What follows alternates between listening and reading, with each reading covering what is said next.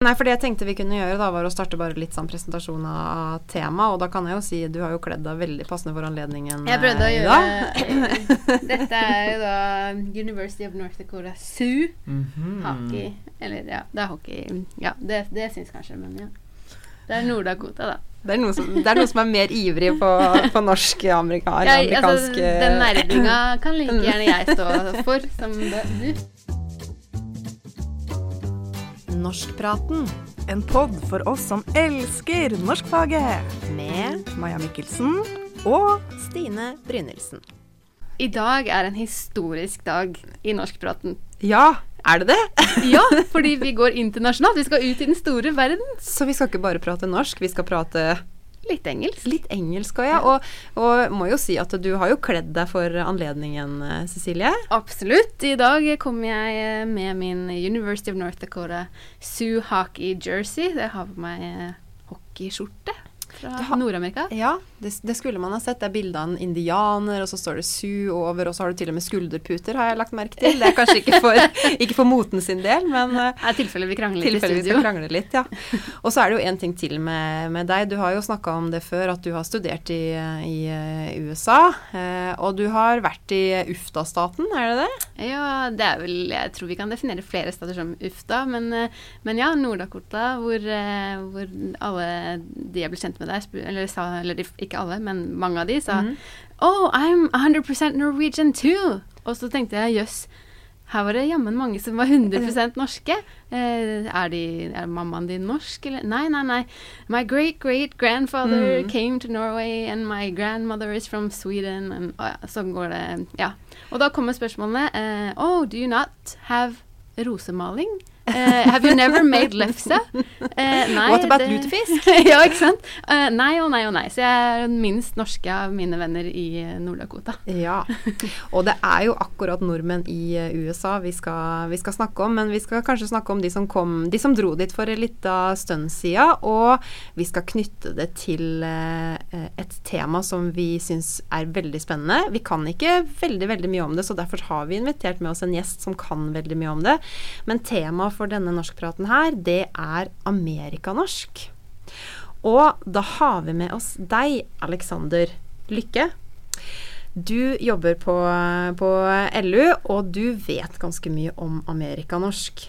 Har du lyst til å si litt om hvem du er og hva du jobber med først? Ja, det kan jeg gjøre. Um, jeg er jo da førsteamanuensis i nordisk språk på ja, nå heter det vel eh, LUSP. Ja. Eh, fakultetet der vi driver med lærerutdanning her på høyskolen. Og underviser da i lærerutdanningene og sånt. Um, så jeg har skrevet doktorgradsavhandlinga mi om amerikanorsk. Spesifikt om et grammatisk fenomen i Mhm. amerikanorsk. Eh, vi kan skal gå litt inn på etter hvert hvorfor det er kult. Eh, og tidligere før det så har jeg drevet en del med historisk språkvitenskap, faktisk. Ja. Eh, fordi ehm, det var vel egentlig det, den interessen som dro meg til språkvitenskapen. Og den røde tråden gjennom alt her, det er språkendring. Altså hvordan språk endrer seg. Da på en, en gang så drev jeg med hvordan det endra seg over hundrevis av år. Mhm. Og så har jeg gått ned til å begynne å se hvordan det endrer seg i løpet av et par generasjoner da, i flerspråklighetsperspektiv i Mm. Men jeg må bare dra deg litt tilbake til type ungdomsåra. Er det sånn du våkna opp en dag bare Yes, jeg skal studere norsk, og mer spesifikt eh, dra til Nord-Amerika og studere norsk i Amerika. Eh, hva, hva, fordi jeg har hørt deg snakke engelsk, Ja. eh, som er knallgod engelsk. Kunne jo like gjerne vært norsklærer og engelsklærer, sånn som Stina og jeg er. Mm. Eh, men hva, hvor, hvordan havna du i dette miljøet? Eh, det var en vei som ble til mens, den, mens jeg gikk. Eh, min interesse for språk den starta med at jeg eh, oppdaga at språk på, altså ord på forskjellige språk ligna på hverandre. Mm. At ord på spansk og fransk var like, f.eks., og Mm. engelsk og tysk osv. Og så gjorde det at jeg ble interessert i språkslektskap. Og språkslektskap, derfor er ikke veien eh, lang til språkendring. Mm. Fordi vi, vi ser jo at språkene er like hverandre, f.eks. norsk, engelsk og tysk, da, men Mm. de er jo også ikke helt like. Mm. Og da spørsmålet om åssen ble det sånn? Mhm. Eh, og så Det leda meg til st- studier på universitetet. da. Mm. Eh, Flytta til Oslo for å gjøre det, og har liksom blitt værende. Uh, og det var det da som leda videre til å drive med flerspråklighet, Mm. for det var da språkendring, ikke sant. Mm. Og i, i, vis, hos visse typer flerspråklige så kan vi se noen språkendringer som er veldig interessante for sånne folk som meg, som er opptatt av hvordan språk fungerer i hjernen til folk. Og sånt. Mm. Og det, det temaet der med språkendring tenker jeg jo er, er, um, er, spennende, selv om jeg ikke kan veldig veldig mye om det. Men jeg tenker det at man tenker ofte på språk som noe statisk. Altså du kan mm. engelsk, eller du kan norsk, eller du kan språket. Og så, hvis man er en tidligere, eller hvis man snakker med noen eldre generasjoner, så snakker de ofte om at uh, ungdom i dag snakker feil, mm. eller de sier noe som er feil, og så tenker man ikke at ja, men språk er jo noe som hele tida er i bevegelse. Språk er jo ikke noe annet enn menneskene som, som bruker det hele tida. Mm. Så det er et kjempespennende perspektiv. Mm. Jeg lurte litt på om du havna i amerikanorsken fordi du hadde noen eh, norsk-amerikanske aner, eller fordi du hadde noe slektskap der, men Ikke som jeg vet om. Nei. Jeg har fått vite om det etter at jeg begynte med amerikanorsk. Ja. Så har faren min uh, drevet med litt sånn amatørslektsforskning. Ja. Funnet noe noe folks over there. Mm. Som, ja, for vi, vi, har vel alle antageligvis en eller annen slektning i, uh, i, uh, i, USA, kanskje. Ja, det var jo ja, ja, det var jo en del som, som, som dro sin vei. Og hvis vi nå, nå har vi jo lært litt mer om deg, men hvis vi penser det nå da inn på hva er egentlig amerikanorsk. Kan ikke du fortelle litt om, om det? Ja, altså den amerikanorsken som vi har sett på så langt, det, den ser vi på Altså det, det språket som ble brakt til Amerika av, eh, av utvandrere som emigrerte i en sånn stor bølge mm. som var fra som starta på midten av 1800-tallet, men som eh, eskalerte veldig frem mot slutten av det århundret. Så for å sette i perspektiv hvor mange det var som utvandra, så sier vi at i år 1800 så var Norges befolkning 800 000. Innen 1930 så hadde 800 000 emigrert. Ja, Det er utrolig. Ja, Så hadde vi også en veldig stor befolkningsvekst ja. eh, i Norge på 1800-tallet. Men veldig mange mennesker, en, altså en stor prosentandel av Norges befolkning, dro også til Amerika. Og de, og de tok med seg språket, da. Mm. Mm. Og de dro jo for å få nye muligheter fordi det var karrige kår, og fordi man ønska seg et, et, nytt og bedre liv. Jeg har um, også, ja, vi har kontakt med vår amerikanske familie som, som flytta over i den perioden der. Eh, og de har ramma inn og tatt vare på et brev som ble sendt mellom noen søsken. da, Det var noen søsken som dro, og noen som ble i Norge. Eh, og da har de sendt over noe frø, noe crops, som de skulle prøve å da så i, på amerikansk grunn. Og så står det liksom ja, 'Håper disse overlever', og Så det brevet fins, og det er så ja, kjempemorsomt. Ja. At det ligger der, mm. og ja, som de tar vare på det. Og de synes, amerikanerne er jo veldig opptatt av at de er norske. Ja. Eh, så de bevarer jo alt og prøver å tyde. Hva det er jo også litt sånn fint, nesten litt poetisk, det med at det skal spire i det ja, nye landet og sånt. Det, det, gjorde jo språket også, da. Mm. Ja, for, for hva, skjedde, hva, skjedde, egentlig med språk når nordmennene kom? Altså, hva, hva, gjorde de? Hvordan integrerte de seg, eller hva, hva skjedde? Folk gjorde forskjellige ting. Eh, men og noen slo seg ned i byene og sånt, og de ble jo fortere assimilert til det mhm. amerikanske samfunnet og bytta nok språk fortere. Men det var veldig mange som slo seg ned på bygda og drev med jordbruk, sånn som de hadde vært vant med fra Norge. Og de etablerte ofte egne samfunn. Mange av dem var ganske sjølberga og hadde altså sånne egne norskspråklige samfunn borti, borti USA. En kjent uh, tilfelle av det er noe som ligger i um, Wisconsin, da. I um, altså Westby Coon Valley i Vernon County, Wisconsin. Der, der, var det et samfunn som var helnorskt omtrent frem til andre verdenskrig. Ja. Eh, så, eh, ja, så, folk vokste opp og snakka norsk der og var antageligvis bedre i norsk enn de var i engelsk, mange. Ja. Eh, i, altså i de samfunnene der, da. Og her sto jo da som sagt norsken sterkt. Og eh, dem som da er født på 40-tallet, de har jo da lært eh, å snakke norsk i de her eh, samfunnene ja. og gjør det ennå i dag. Ja. Mm. Og, og, den norsken som de tok med seg, den, den, Altså, de kom jo fra alle deler av Norge, ikke sant? Sånn at mm. den norsken de brukte, det var da den dialekta. Det ble ikke noe sånn standard standardnorsk, eh, antar jeg, men at man brukte dialekta si ja, i eh, høyeste grad. Mm. Altså, nå var det jo sånn at det var jo øh, norsk skolegang, altså norskspråklig øh, utdanning, i også USA. Mm. Fordi blant annet at de norske menighetene syntes at den amerikanske skolen var for sekulær. Ja. Mm. Så de måtte ha religiøs utdannelse på norsk, eh, bl.a. Fordi det også liksom lå sjelen og hjertet nærmest. Det var sånne argumenter som ble brukt. Eh, så de hadde jo også utdannelse eh, i norsk i de tidlige Det det kjenner jeg så mange perspektiver man kunne snakke om. Ja, ja. Inkludering og emigrering og um, hele pakka her. Som er så interessant da, at uh, historier på en måte gjentar seg i ulike sammenhenger. Mm. Eh, men vi skal konsentrere oss om amerikanorsk. Altså, Mm. Og det som du sa, var, at, eh, var jo også det her med at man tok med seg språket, og man fortsatte å bruke det da innad i familien Ja. eller i, i lokalsamfunna, Mm. mens man da levde i et eh, engelsktalende land for øvrig, og også måtte forholde seg til det. Mm. Og da er det jo ett begrep som eh, som man knytter veldig tett da, til den her amerikanorsken, et sånn fagbegrep, og det er jo arvespråk. Mm. For det de eh, som da er i hvert fall etterkommerne av de emigrantene som kom, de lærte seg jo også norsk, men da av eh, de som de hadde rundt seg, ikke sant. Og er det det man kaller for arvespråk, eller har du lyst til å si noe om hva et arvespråk er? Det kunne jeg selvsagt gjerne gjøre. Um, arvespråk, i, sånn som jeg er vant til å jobbe med den definisjonen, det er um, hvis et barn vokser opp i et samfunn og lærer et språk hjemme, naturalistisk, som vi sier, dvs. Si på den vanlige måten, av mor og far, uten å uh, eller andre omsorgspersoner, uten å liksom, instruks fra skolen eller sånt. Man lærer språk på den måten som alle unger lærer språk.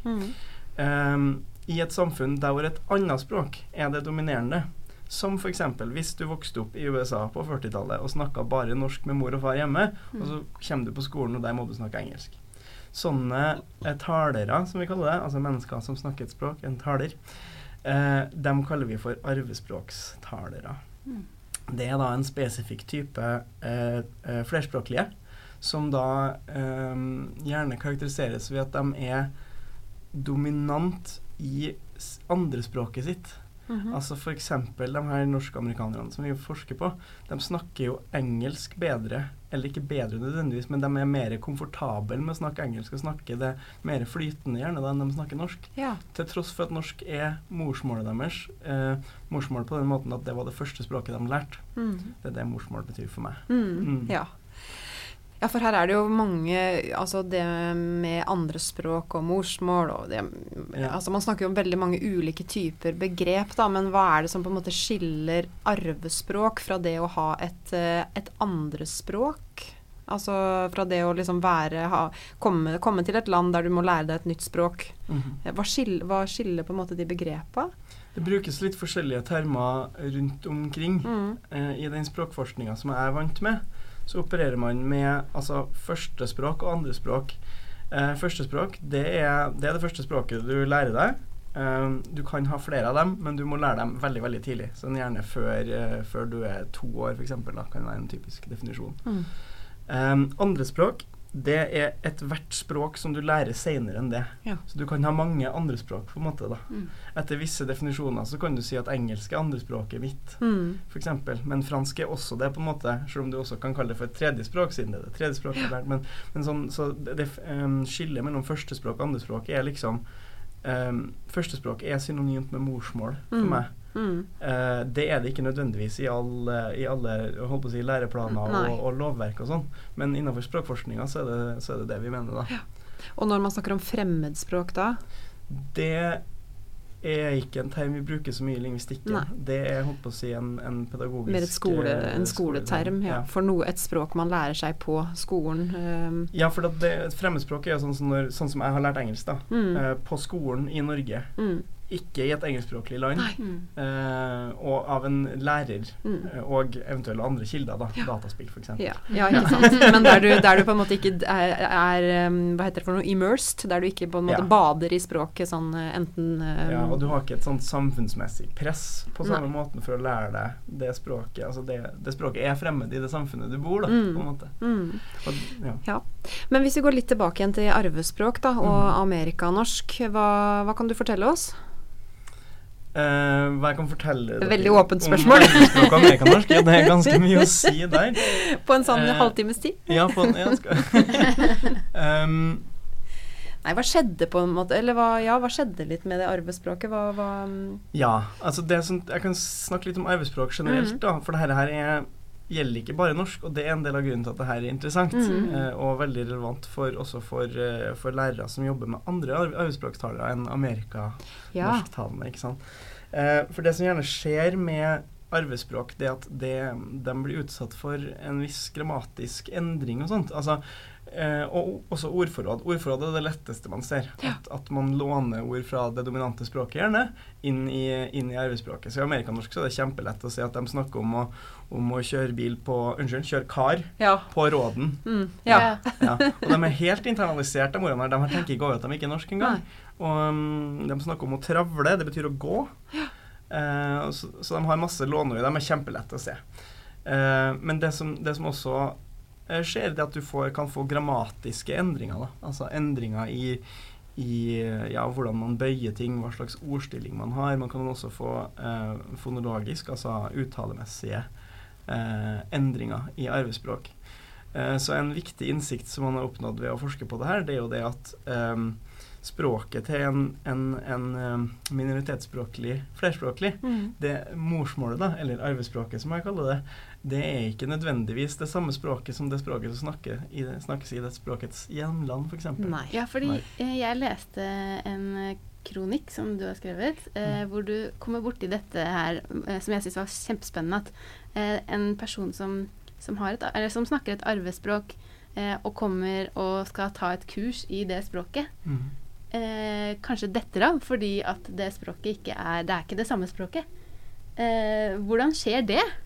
Det er mange ting som kan skje der. Eh, Uh, ja, et av de mest åpenbare som jeg har hørt om, er jo det at eh, eh, man på Altså man snakker et språk hjemmefra, så kommer man på universitetet, og så lærer man en annen dialekt Mm. enn den man snakka hjemmefra. Jeg tror, jeg tror det var vietnamesisk jeg leste om.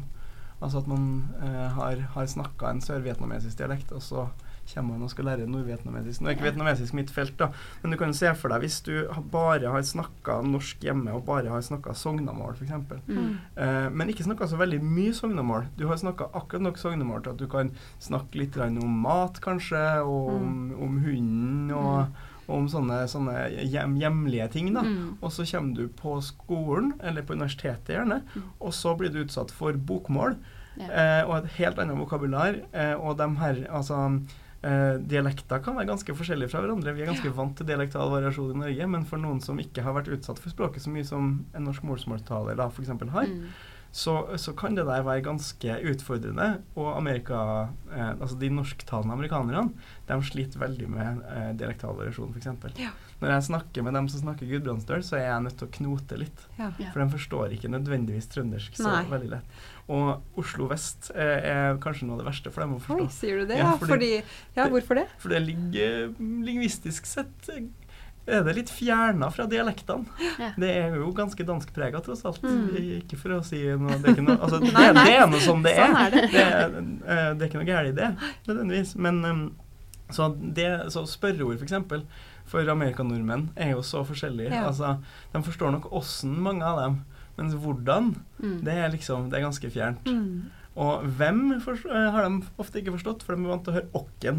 Ikke sant? Ja. Det er ganske store forskjeller på de ordene her. Ja. Så, så det betyr at et arvespråk blir jo på en måte ganske begrensa eh, etter hvert, da. Eller det vil jo være Det vil jo begrense seg til de som faktisk bruker det i det samfunnet eller i den eh, sammenhengen. Er det det du Det kan sier bli det. da, ja. Altså, eh, det som kjennetegner arvespråkene, er at de, de fungerer fullstendig, så vidt vi vet, etter de, eh, etter de samme grammatiske prinsippene som alle språk. Men så er det det at man blir utsatt for språket så mye mindre, som gjør at, um, som gjør at ting kan endre seg. Eh, og det er det som er så fascinerende.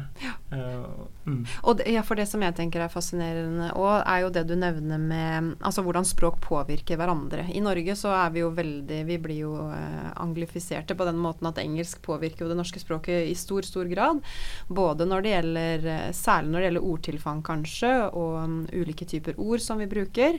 Men også, og det her tulla Maja og jeg med en gang, hvordan, hvordan bøyer man f.eks. det å teamse? Da, yeah. Når du er på Teams, hvordan bøyer du det å teamse, eller vi snakker om å google, eller Altså det blir jo både en eh, Substantiv er jo enkle å skifte ut, verb kan man også skifte ut, men så skal det skje noe med grammatikken her. Og det snakka jo du også om, at det, de bytter ut noen ord. Ja, det er greit, men så snakker du også om grammatikken. Mm. Kan ikke du si litt mer om det? Fordi det skal vel litt mer til å endre grammatiske strukturer? Det skal en del Ja. til. Det skjer ikke sånn automatisk av seg sjøl. F.eks. engelsk sin påvirkning på norsk den er jo ikke i grammatisk i særlig stor grad. Nei. Du har noen ting Jeg legger merke til at uh, noen snakker om å gro skjegg nå. Så Mm. da har jeg f.eks. det jeg vil kalle argumentstrukturen til uh, verbet gro har Mhm. endra seg. Fordi den kan ta et objekt nå. Og det er Mhm. kanskje et lån fra engelsk, da, for det kan man snakke om to grow beard. ikke sant? Mm. Um, men eh, på norsk så blir ikke altså i norsk så blir ikke grammatikken grunnleggende påvirka av engelsk. Det blir den ikke nødvendigvis i arbeidsspråkene heller. Det er litt det man har drevet og forska på. Er det flerspråklighetspåvirkning, eller er det allmenne språklige prosesser som, som skjer eh, når noen blir utsatt mye mindre for et språk? Mm. Um, og de fleste endringene vi ser i amerikanorsk, det er endringer som, som på en måte foregår på med norsk grunnlag, da. Uh, men, eh, men som ikke har skjedd i Norge. Ja. Eksempel eh, det var, jeg og Cecilie snakka om, om, om en sånn, eh, et sånt artig eksempel som jeg fant i mitt eh, doktorgradsarbeid. Mm. Om en av talerne som har slutta å si 'gikk' og begynte å si 'godde'. ja. Um, altså Forbildet for den eh, overgeneraliseringa av en bøying der er jo ganske åpenbar. Han bøyer 'gå' på samme måte som han bøyer 'nå' eller 'så'. ikke sant? Så sådde, nå nådde. Hvis du da har 'gå', så er det da en viss logikk i at preteritumen skal være 'gådde', ikke sant? Mm. selv om den da er 'gikk', som er en grusomt irregulær preteritum. bare så det er ja. Eh, ja. Og det er vel sånn også barn eh, Det kan tenker, også skje ikke sant? i, Mm. i barnespråk, og det er en, altså, eller under språktilegnelse. Da. Mm. Det er en interessant parallell dit. Men um, poenget mitt var at der har den norske grammatikken endra seg. Mm. Altså Det er noe i den mentale strukturen som han har om norsk, som har blitt annerledes enn den er for oss. Mm. Og det er ikke det at han har blitt påvirka av engelsk. Han har ikke begynt å si 'went' på noe Nei. vis. Det, det, altså, det er ikke noe spor av en engelskpåvirkning her. Eller 'goad' heter det jo heller ikke på engelsk. Eh, så, eh, så det har endra seg, men på, på norsk grunnlag, da. Og det her henger sannsynligvis sammen med at han har snakka og hørt mye mindre norsk Mm. enn vi har. Ja.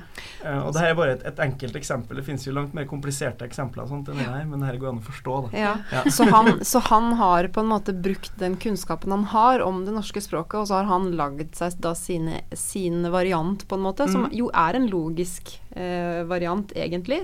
Eh, fordi at det er sånn det normalt sett eh, bøyes, eller det er i hvert fall ikke irregulært, bø irregulær bøyning. Og da er vi jo inne på noe som jeg også syns er spennende, som jeg vet at du kan en del om, og det er jo hvordan lærer man seg språk? Altså hvordan utvikler vi den her grammatiske kunnskapen? Du, Mm. kaller, du har et begrep som heter den mentale grammatikken. Ja. Har du lyst til å bare si litt, litt om det, og kan det henge sammen med noe av det vi prater om nå? Jeg vet ikke om jeg klarer å bare si litt. Nei.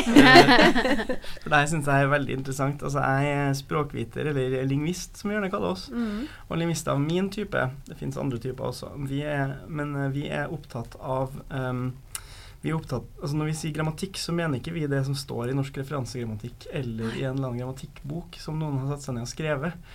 Vi mener eh, dem, den kunnskapen, den grammatiske kunnskapen som ethvert talende individ har i hodet sitt. Mm. For alle sammen så har vi Altså måten jeg klarer å snakke nå, måten dere klarer å forstå hva jeg sier, det er gjennom å bruke eh, visse mentale strukturer som vi har i hodet.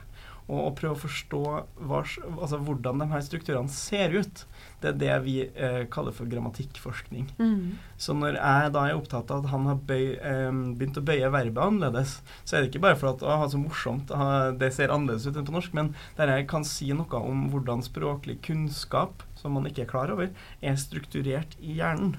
Mm. Det er det eh, jeg synes er ufattelig Så, så du er ikke opptatt av feil, riktig og feil eh, grammatikk? Eh, nei, det, det er jeg ikke. Så, sånn sett så, så er jeg kanskje en dårlig norsklærer. Eller en raus en, vil jeg si det. Eh, jeg vil jo si at jeg er en reflektert norsklærer. Eh, ja. Nei, for jeg tenker jo, jeg har jo hørt altså eksempel når man jobber med elever med norsk som andrespråk, eller når man jobber med barn som da lærer seg norsk eller skal skrive norsk, så er det ofte sånn at vi blir opptatt av at de gjør ting feil. Mm. Men noen ganger så er det jo faktisk sånn at de har forstått et eller annet system. ikke sant? Oppi Mm. hodet så har man, eh, selv om man ikke klarer å verbalisere det, så har man forstått et eller annet system. da. F.eks. at eh, når verb skal bøyes i preteritum, så legger jeg til det det er, Mm. som i det godde. eh, Jeg tror ikke Godde ville vært svært eh, overraskende å finne i norsk mellomspråk Nei. hos en, eh, hos en andrespråksinnlærer.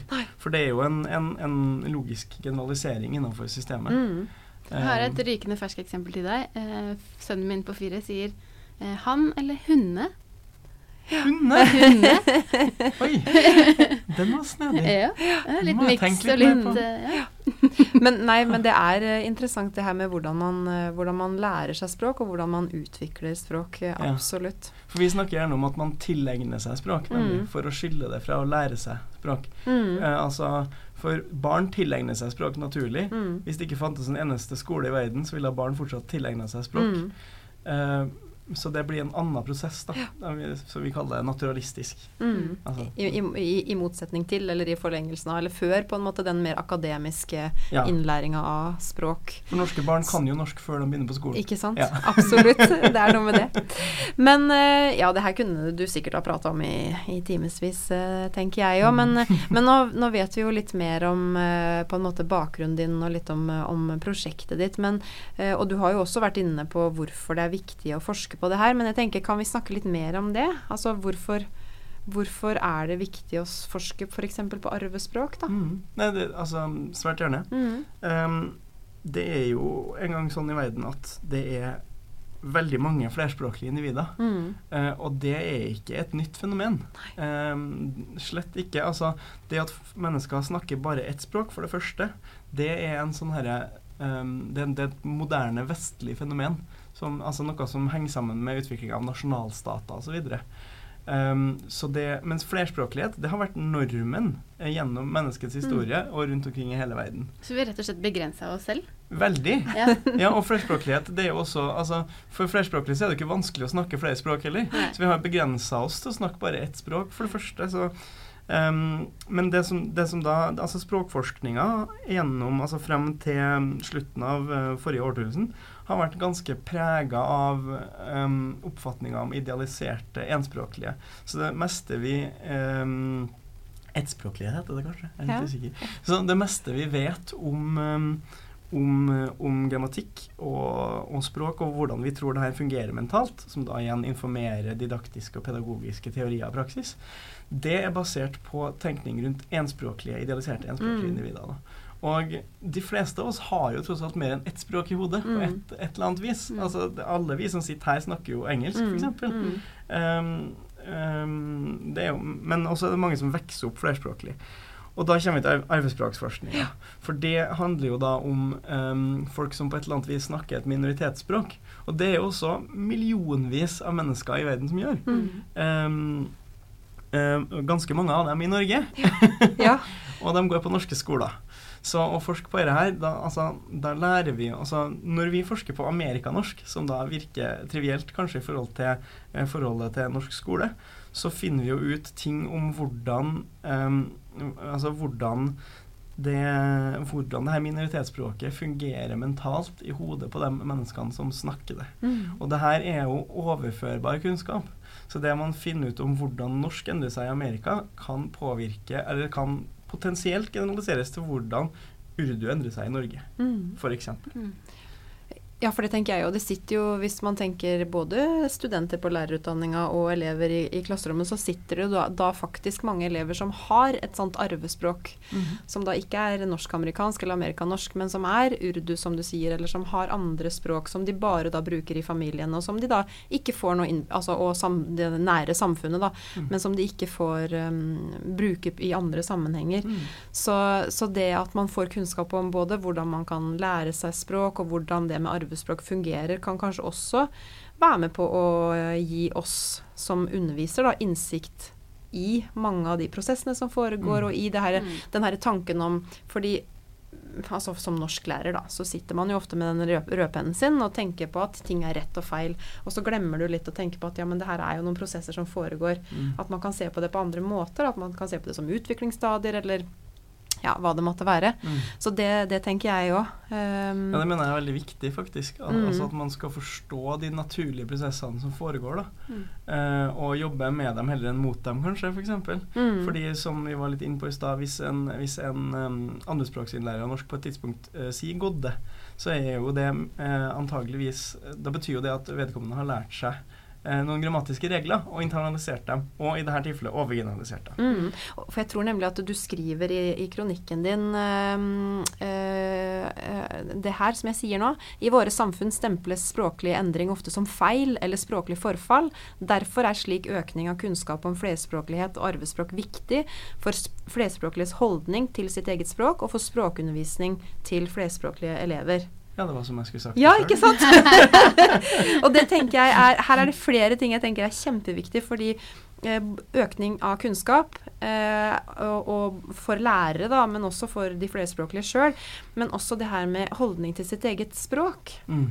tenker jeg er viktig. Det å, det å liksom både anerkjenne og bejuble at ja, men det er faktisk fint å kunne flere språk. Jeg har hatt så mange elever, jeg har hatt flere elever som har, har, har grått, eh, som har kommet da sent til, i livet, eller de syns at det er sent, da de har vært kanskje 13-14-15-16-17-18 år. Kommer til Norge, møter skolen, får ikke til det de vanligvis kanskje har fått til. Tenker at å nei, det er meg det er noe feil med hele tida. Og så Eh, og det er jo vanskelig, og det er en prosess, og du gjør det ikke liksom veldig mye lettere ved å si at uh, flerspråklighet er gull, eh, sånn som det henger en plakat oppe på og utafor kontoret til Arnstein Ja, ja. Tror jeg, som, Ja. som også forsker på arvespråk. Da. Eh, men det at man som lærer kan overføre noen sånne positive holdninger Jeg pleide alltid å si til mine elever at jeg syns, og det er helt eh, sant, altså jeg syns egentlig det er litt kjedelig at jeg bare kan engelsk. Mm. Fordi at jeg har ikke jeg skulle ønske at jeg hadde også andre språk da, som jeg kunne sjonglere med. Jeg kan bitte lite grann tysk og fransk, men, men ikke, det er liksom ingenting. Um, så det å bygge opp en sånn holdning om at det er faktisk verdifullt, det du kan, det, Mm. det tenker jeg jo er Ja. Jeg har vært misunnelig på alle flerspråklige siden Mm. lenge før jeg begynte med flerspråklighetsforskning. for å si det sånn. Men eh, det er også, jeg tenker også at det er viktig hva slags kunnskaper lærerne har. For, uh, fordi at også Hva hvis f.eks. en eh, Altså en elev lar seg frustrere over at språket de kan er feil, enten det er arvespråket deres, eller det er mellomspråket, altså når de lærer seg norsk. Hvis læreren da vet at ja, ja, men, men det der er jo bare en utviklingsfase. Mm. Så er jo det veldig mye lettere eh, altså da, da kan jo eh, læreren veldig mye lettere veilede denne eleven i sin utvikling Mm. enn hvis de sier ja ja, stakkars lille vennen min, du gjør jo feil, men det kan være du klarer det i fremtida, liksom. altså, Nei, jeg, jeg, jeg, jeg tok norsk som andrespråkspedagogikk her på høyskolen. Eh, sånn ku- kompetanse for kvalitet, som det heter. Og da, da var det noe av det som jeg på en måte tok med meg mest til mine, mine elever, var det her med at du, du er i utvikling. Det, det er Mm. faktisk noe som du er på vei til nå. Og da hadde jeg sånn tenkte jeg, jeg, Fordi det var elever som ikke hadde så veldig mye språk alltid, men eh, tenkte jeg må, jeg må liksom vise det her på en eller annen måte. Så da hadde jeg en sånn stor grå granittsten, bilde av en stor grå stein. Og så hadde jeg bilde av hammer og meisel, og så hadde jeg bilde av en statue etterpå. For å liksom vise at selv om det liksom virker veldig sånn tungt og hardt og vanskelig nå, da, så kan det faktisk bli noe veldig veldig bra av det her til slutt. Mm. Og det tror jeg de satte pris på, for jeg tror ikke de var vant til Jeg tror de var vant til å møte mye sånn 'Å nei, jeg gjør feil eh, Ja. hele Mm. tida'. Mm. Um, så det, det, det tenker jeg er et viktig, viktig poeng. Da. Et annet begrep som jeg lurer på om du eh, Som ikke vi har prata om før, men som, eh, som jeg har, kjenner bitte lite grann til, det er jo det her med translanguaging. ja, Kjenner du til uh, jeg kjenner til Ja. det begrepet, ja. For det jo handler jo litt om, sånn som jeg har forstått det, da, å se verdien av å kunne bruke ulike typer språk i innlæring. Uh, altså i, i skolesammenheng, blant annet. At man setter pris på, eller mer bygger opp under, da, at elever kan både få bruke de ulike språka sine i undervisninga, og at man kan bruke det at elever har flere språk, Mm. Ja. eh, til å bygge opp om kunnskapsutvikling. Jeg er jo vant til å tenke på flerspråklighet og translanguaging på en, på en veldig mye mer sånn deskriptiv måte, Ja. heller enn didak Ja. didaktisk. Eh, så ja, eksempel det at man putter ord fra et an annet språk inn i Altså når du snakker et språk og putter inn låneord fra et annet språk, Mm. det er ikke det er ikke nødvendigvis noe galt i det. Vi har sånne oppfatninger Nå snakker vi om holdninger også, da, Mm. om at, uh, om at liksom språk skal holdes rein og sånt. Uh, og jeg vet faktisk ikke om det er helt naturlig. Altså det, det, det kan man eventuelt diskutere, men, men jeg, jeg tror det er ganske naturlig at mennesker som snakker mer enn ett språk, blander de språkene litt. ikke grammatikken, f.eks., men at man putter inn ord, f.eks. Mm. Da. Og så får man låneord på denne måten og Mm. sånt. Mm. Det har jo norske borgerskapet gjort med masse tyske låneord, f.eks. Ikke sant? Gjennom eh, vår ny- nylige historie. Men også, det, det skjer jo nå også i dag, da. Absolutt. Og vi har jo etnolekter eh, som Det kebabnorsken, for Ja, som, Som, nevnes. som det kalles på folkemunne, ja. Eller multietnolekt, da, som, det, Ja, som vi gjerne kaller det. For e- etnolekt vil jo kanskje være det man snakker i Finnmark, hvis man Ja. har samisk bakgrunn. Mens multietnolekt er jo gjerne det man snakker i byene. Um, og der er det mye translanguaging, Mm. eh, vil jeg tro. Uh, og det er veldig interessante ting, det også. Det er ikke det jeg kan mest om, så da tror jeg Men uh, vi har folk som kan masse om det òg. Ja, Ja. Nei, nei, men vi, vi går tilbake igjen litt til, eh, til amerikanorsken. For Ja. jeg tenker um, eh, Altså nå har vi jo snakka litt om hvordan eh, lærere Altså det at lærere faktisk kan noe om temaet, det at man formidler det til elevene sine, både de som, som er, eh, har norsk som sitt eh, morsmål er majoritetsspråklig, men òg de da særlig som har flere språk. Men er det andre måter Jeg vet ikke, Cecilie, om du har tenkt på andre måter som man kan trekke det her inn i undervisning? Altså, jeg har jo Jeg, jeg fikk en veldig mm, morsom opplevelse. Eh, det, var, det var noen år siden. Jeg var ekstern sensor på en ungdomsskole. Eh, hvor det var en tiendeklassing som skulle eh, ha eksamen. Det var i engelsk. Eh, men hvor jeg plutselig ble presentert for eh, hele det samfunnet jeg hadde flytta til som voksen. da. Nord-Dakota, Minnesota, Wisconsin. Eh, og kunne Altså gikk ordentlig i dybden på eh, områdene og språket. Han hadde eksempler på skilt. 'Velkommen', ikke sant? Eh, ja, og det var bare så morsomt å se at han kunne eh, ta Altså, ja. Jeg ble så overraska av at noen visste så mye om et sted som, eh, som egentlig ingen vet så mye om. Eller sånn Nei. jeg tenker i mitt hode at ikke så mange vet om. Eh, men der var vi litt innom dette med, med språk og eh, at det henger igjen. Eksempel så hadde han tatt fram i Minot, North Dakota, så er det en stavkirke, en replika av Gol stavkirke. Midt oppe i staten Mm. det den, og der hvert år er det norsk høstfest. Og det kaller de for norsk høstfest. Det, det er ikke Norwegian fallfest, liksom. Det er eh, norsk høstfest. Eh, så det, det henger igjen fortsatt der. Og, og det var morsomt at det, det dukka opp i en tiendeklassings presentasjon. Det var det han valgte å presentere på Mm. muntlig eksamen. Nei, jeg jo tenker at her er det mange ting man kan jobbe med også når det gjelder liksom mer sånn konkrete eh, undervisningsopplegg. Da. Fordi det er, ikke, det er i hvert fall ikke vanskelig om man går inn i, i læreplanen for norsk, så er det, det er ikke vanskelig å finne kompetansemål som kan dekke temaet. Mm. Eh, både amerikanorsk og eh, grammatikk og det å utforske språket. Eksempel så gikk jeg tilfeldigvis innom VG1 eh, læreplan i norsk, og der er det jo ett kompetansemål som handler om å sammenligne særtrekk ved norsk med andre språk, og vise hvordan språklige møter kan skape språkendringer. Og da kan man jo også tenke seg at man kan Altså For mange så vil jo amerikanorsk være et litt sånn fjernt eh, eksempel som man kanskje kan ta utgangspunkt i, eller bli nysgjerrig i, og så kan man jo trekke det til hva som faktisk kan skje med noen elever i klassen f.eks., eller noen man kjenner som da har flere språk. Så på den måten kan du jo bygge en sånn eh, Gjøre det til en sånn verdi da å kunne flere språk. Mm. Eh, og se at det skjer i mange, i mange land og i mange sammenhenger.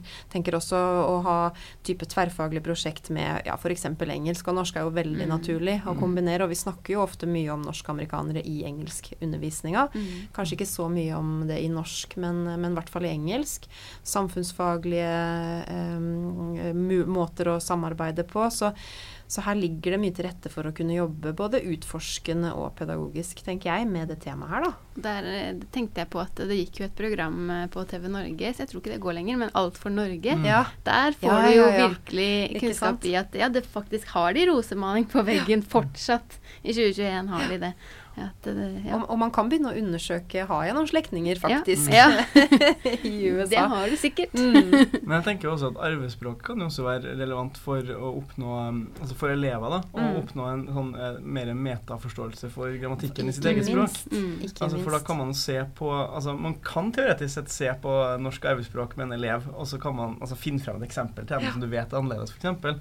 Og sier er det, her, er det her norsk? Ja. Er det annerledes enn sånn som du snakker? Ja, det er det også, faktisk. Fordi f.eks. mange amerikanordmenn sier uh, har ikke den her V2-regelen, som det kalles. Altså de sier 'i går jeg kom'. Mm. Altså Sånn som på engelsk Mm. 'yesterday I came'. Ikke sant? Eh, og det finnes jo også en annen varietet av norsk, eh, nemlig multietnolekt. Mm. Så det kan jo være veldig interessant å, sam å, å sammenligne noe sånt, hvis, altså f.eks. med elever i videregående og sånt. da, Og se at å ja, så noen, språk, altså noen språkmøter kan forårsake samme utkom da, i, i grammatikken. Kanskje det også kan føre til at man aksepterer multietnolekten litt. Ja. Mm. Når det finnes sitter uh, gamle folk som snakker gudbrandsdalsdialekt i Amerika og gjør Mm. akkurat det samme som man gjør på Holmlia. Ikke sant? Og Mm. da tenker vi at vi er rett inn i overordna del av læreplanverket med å utforske språket. Ja. Mm. Hvorfor er det sånn? Og gå alle veiene som å finne røttene til hvorfor ble det sånn. Ikke sant. Absolutt. Kjempegøy. Mm. Er det noe sted som man kan eh, Hvis man har lyst til å finne liksom, eksempler på amerikanorsk, har du noe sånn Fins det noe sted som man kan finne de eksemplene? Altså, Norsk i Amerika-prosjektet, som har vært leda fra UiO Skal jeg passe meg at jeg ikke sier noe feil her, men det har vært Janne Bonnie Johannessen som har leda det prosjektet. Eh, de har nettsider der det står en del. Og det finnes jo også um, Gjennom den forskninga her så har man jo laga uh, det man kaller for talespråkskorpus. Det er det jeg har lagt til grunn for min forskning, f.eks. Mm. Der hvor det finnes timevis på timevis med opptak Mm. av uh, amerikanere som snakker norsk. Um, de her er tilgjengelige for uh, lærere, f.eks. Mm. Det er bare, altså man, man går gjennom et sånn automatisk utfyllingsskjema, så får man en bruker, og så kan man se på de korpusene her. Jeg Så kanskje vi kan få ja, Ja. Uh, Jeg tenker at vi legger ut noen lenker ja, til både kronikken din og til, uh, til uh, Du har en side med disputasen din, og der har du også en prøveforelesning som, som kan være verdt å se også for de som ikke er språknerder, misforstå meg rett. Som forteller også litt om bakgrunnen for amerikanorsk og for utviklinga. Eh, og så kanskje vi kan lenke til den um, ressursen som du nevnte mm. eh, nå nettopp òg. Um, så har man liksom litt sånn håndfast, hvis man blir litt nysgjerrig på, på, på det temaet her, da.